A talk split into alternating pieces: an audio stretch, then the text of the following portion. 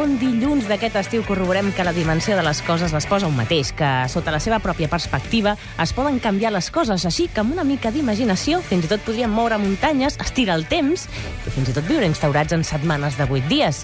La sort, ja ho sabem, és un ingredient que hi és, però una trajectòria esportiva no només pot estar marcada per la sort. Ara, jo tinc la sort que va a l'estudi de Catalunya Ràdio i és l'Araceli Segarra.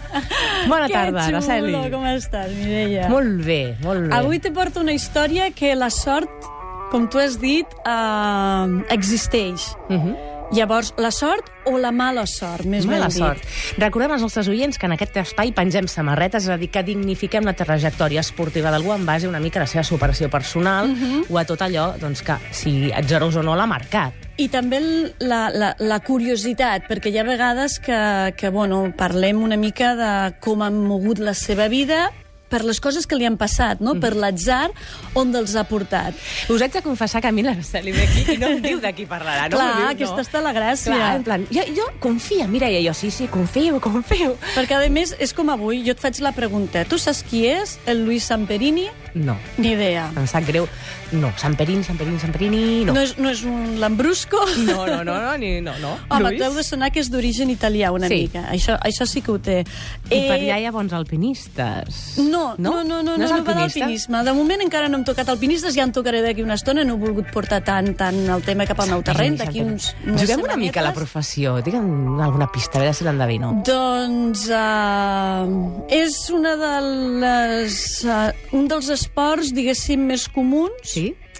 No es juga en pilota Mm. i, i de més fàcil realització, en el fons, que necessites menys material. Sí, senyora, Oh! és un atleta. Molt bé. Però mm, avui no, diguéssim que tu no en saps gaire d'en Mhm. ell, però d'aquí al Nadal se'n sabrà moltíssim d'aquesta persona. I si, mm, potser no recordarem el seu nom, perquè la gent no recorda el nom, sinó que recorden el nom de la pel·lícula. Mm. Perquè l'Angelina Jolie està preparant com a directora Ja ho tenim. com a directora un, una història sobre aquest personatge i la pel·lícula es titularà com el el darrer llibre que van escriure sobre ell, perquè en té, en té un parell d'escrits, un que va fer ell doncs, uh, després de, de viure tota aquesta història que t'explicaré, Mhm. però Uh, aquest llibre es titula, i aquesta pel·lícula es titula Unbroken. Mhm. I Unbroken, hi ha, a mi hi ha paraules america, a- angleses que, que m'agraden molt perquè transmeten molt, no? amb, amb, amb, amb la seva sonoritat i amb el que intenten dir. Unbroken vol dir doncs, uh, que, que és uh, indoblegable, no? que, que, que estàs dient que, que aquell ànima, que aquell esperit, no el pots torcer, no el pots esfonsar, no el pots vèncer.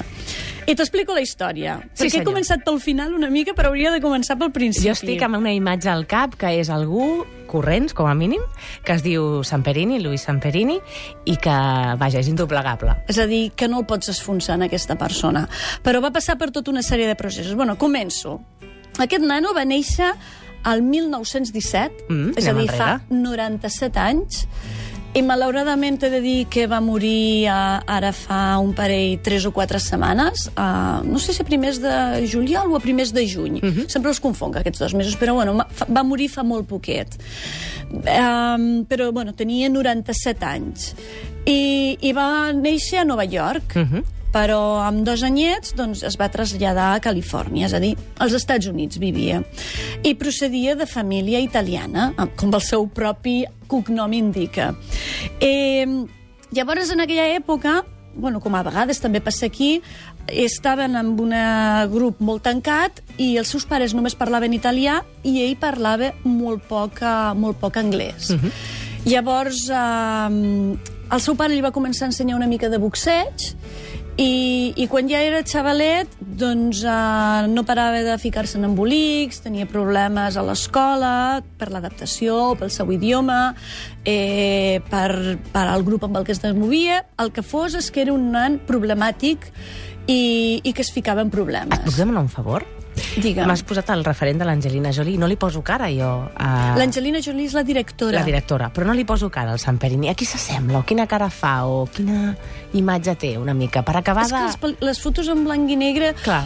Antic, a senyor antic. I, i, i clar, jo, jo he vist les fotos, diguéssim, també i actuals, no? I, mm -hmm, i, clar. I els senyors grans a vegades tots et semblen una mica. Sembla el pare del Kirk Douglas, no? Una mica. Ah, molt bé, molt sí, bé. Cava i canós i...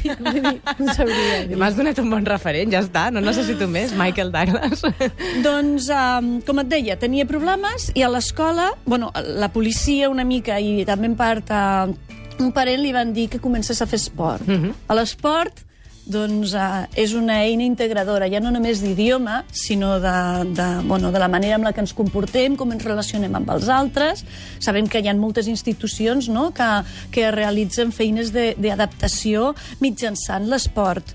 Eh, doncs va començar a practicar atletisme. Mhm. I als 17 anys doncs uh, va guanyar una de les curses d'atletisme. Ell practicava els 5.000 metres. Molt bé. Eh, de, de, de Califòrnia. Va batre un rècord, va mantenir un rècord de, de juvenil o, o digue-li com vulguis durant uns 20 anys. I després, als 19 anys, eh, va fer unes proves i, i va aconseguir entrar en el club mm, olímpic per anar-se'n a les Olimpiades de Berlín. Llavors es va embarcar en un vaixell, una de les anècdotes no, que ell explica és que quan es va embarcar en aquest vaixell doncs, uh, hi havia un bufet lliure de menjar, ell no s'ho creia, perquè veguis també no, de quina família procedeix, es va engreixar 5 quilos i mig, només en el trajecte d'anada a les Olimpiades, i després, doncs, Ah, els va perdre. Va perdre 6 quilos en els, en els diguéssim, eh, eliminatòries per, per arribar a competir no? dintre d'aquestes Olimpiades. Per tant, però diguéssim, a, a, a, ell al·lucinava una mica, no? que hi hagués, existigués el bufet lliure dintre d'un vaixell. Clar, perquè fent compte, si va néixer el 1917 i tenia uns 20 anys, ens situem al 1937, a període les entre Olimpiades del guerres... 36. Ah, 36, molt bé. Va competir amb aquestes Olimpiades, va quedar en el vuitè lloc en, en la seva Mhm. Home, carrera 100 quilos d'una manera o altra s'havien de notar. però no, els va perdre ja, Sí. fent les eliminatòries, però va fer una final tan bona Mhm. i una última volta tan bona que, que el Führer, el Hitler, el va demanar que volia conèixer-lo, diu, el noi que ha fet l'esprintada final. No? Sí. És a dir, tot i que de vuitè va fer un paper molt bo i, i dintre de lo que cap doncs era un paper molt bo, que del vuitè en unes. Olimpiades. Però bueno, va anar a conèixer el Fire, mm, així va saludar i ja està. I tampoc no recorde res molt especial no, del Fire, més que res que pensava que era un personatge gairebé de, del Harold Lloyd, no? D'unes- diu, era un personatge curiós. Però bueno, la curiositat està en què es van acabar les Olimpiades, ell va fer unes curses més, era bo, apuntava com a que podia batre, anava cap a batre rècords, però llavors es va afiliar o aliar, o com es digui, no? es va, eh, se'n va anar a la guerra, es va apuntar eh, i es va inscriure al, diguéssim, al, al, al, grup aeri. I, i bueno, estava en un d'aquests eh, bombarders, un bombarder que tenia mala fama perquè sempre estava, eh, el que li va tocar amb ell, no? sempre estava al taller reparant-los, eh, s'espatllava sovint, Ah, estic, estic I dels un dia- nervis per saber el factor atzar, que suposo el que factor atzar està a punt d'arribar. aquest, aquest, uh, aquest bombarder es va estavellar amb, uns, amb els 11 tripulants, dels quals 8 van morir Uh -huh. i 3 es van salvar. Un dels que els va salvar va ser ell, al mig del Pacífic. Que fort. Eh, I després d'això va tornar a córrer? no. Ah. El cas és que uh, es va passar 47 dies en el, a la deriva, Mhm. No, no. pescant, menjant, bevent aigua de pluja, caçant algun albatros.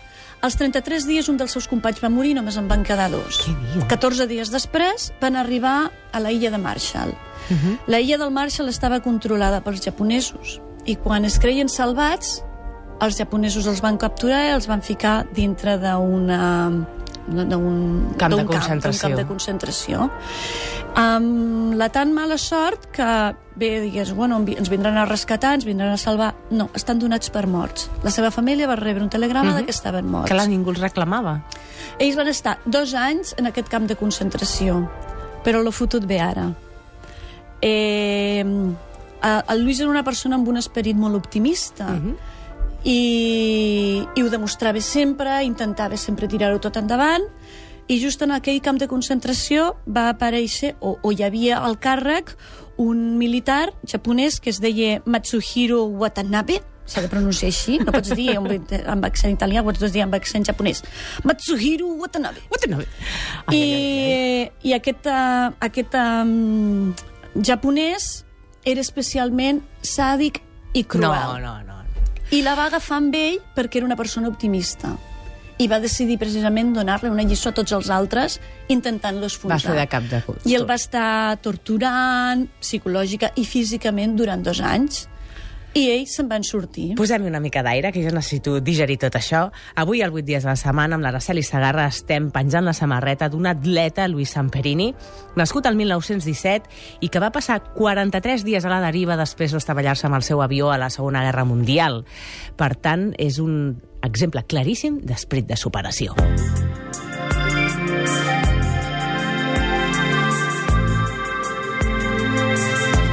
Araceli Sagarra, em tens amb el cor Al final. no m'ho puc creure. Al final sí. de tot això, aquí és on està la gràcia, no? Eh, Però és jo dir, pensava, perdó, eh, que el factor sort li anava a favor, però li va a la contra constantment, perquè un accident aeri, que el Führer et demani eh, hola, vine aquí que vull conèixer que a més a més el Matsuhiro no el sé què més, torturi el i torturi. intenti esfonsar-lo. Doncs diguéssim que al final és el que en treus tu de les coses mm. i com aprofites la vida. I quan va tornar a casa, al cap d'uns anys, doncs el van alliberar, va tornar a casa com un heroi, però va perdre completament el nord. Va. Ah, es va donar la beguda, no sabia què volia fer, i un dia va escoltar amb un predicador Mhm. eh, i va una mica adonar-se de, de tot el que li estava passant. I el que passava és que odiava. Tenia un gran odi dintre i, i necessitava, diguéssim, perdonar. Uh -huh. Aquest és finalment no el consell o, o, o, o, o la trobada de tot això. Eh, ell va muntar unes, uns campaments i unes estades per nens que, que ten, eren conflictius, però a part d'això, realment el que va aconseguir fer va ser, durant uns anys, va ser missioner al Japó, Uh -huh. va anar a retrobar els seus carcellers i el que va fer va ser abraçar-los, perdonar-los. És a dir, el més difícil és aconseguir adonar-te. Però és que el més difícil és adonar-te'n que, Mhm. que te pa- està passant tot això. Quan ja ets capaç d'adonar-te'n, ja llavors ve la part més difícil, no? És que és, que és aconseguir perdonar. I perdonar no, no, no és que l'altre faci res, és que ho has de fer tu des de dintre. I, I la part més fotuda va ser quan va anar a perdonar directament al Mitsubishi aquest, que no sé com es pronuncia, el Matsuhiro, i el va anar a perdonar i aquest no li va voler, no va voler rebre'l. Però igualment ell, Ell el va perdonar. ell el va perdonar, el va voler abraçar, i, i va haver-hi una cosa molt maca, i és que el 98 van haver-hi les Olimpiades del Japó, uh, i era, estava molt a prop, no?, d'on ja havia estat uh, cautivat. Llavors, doncs, uh, als Jocs de Nagano li van donar l'oportunitat de que portés part de la flama olímpica. És a dir, va haver una mica de justícia universal en aquest sentit, perquè Sí. ell va poder com tornar en el món de Interna, l'esport. no? És trobar-ho tu mateix. Mhm. Amb aquest, aquesta seria una mica el leitmotiv amb el que podien tancar aquest espai d'avui, no? De dir, perdona, poses, o fes balanç positiu, no? Fes Sí, balanç sí. zero, ni negatiu ni saber positiu. perdonar, saber donar-te en compte de com van les coses per dintre teu, hi ha molts tipus no? de, de, de sentiment de culpa, diguéssim, no de culpa, sinó aquesta necessitat de perdonar. A vegades són vergonyes, a vegades són pors, però moltes vegades no és aconseguir treure la ira que tens dintre per continuar vivint i portant la teva vida, perquè si no, no te n'en sortiràs mai. Malgrat estiguis en aquests estats límits, podríem dir que s'havia trobat la trajectòria vital de Luis Samperini, que sens dubte jo rebo un guió o un llibre amb aquesta història, La pel·lícula s'ha d'anar Sí a que- veure. sigui o no Angelina Jolie, tiro endavant, vaja, ho trobo que aquesta dona està en una direcció molt encertada de fer aquesta pel·lícula, de fer aquest biòpic, Unbroken, eh? Ho apuntem. Unbroken. Unbroken. Impressionada, mare meva. Una història maca. Sí, gràcies, Araceli. Fins la setmana que Te'n ve. porto una altra la setmana que ve, ja veuràs.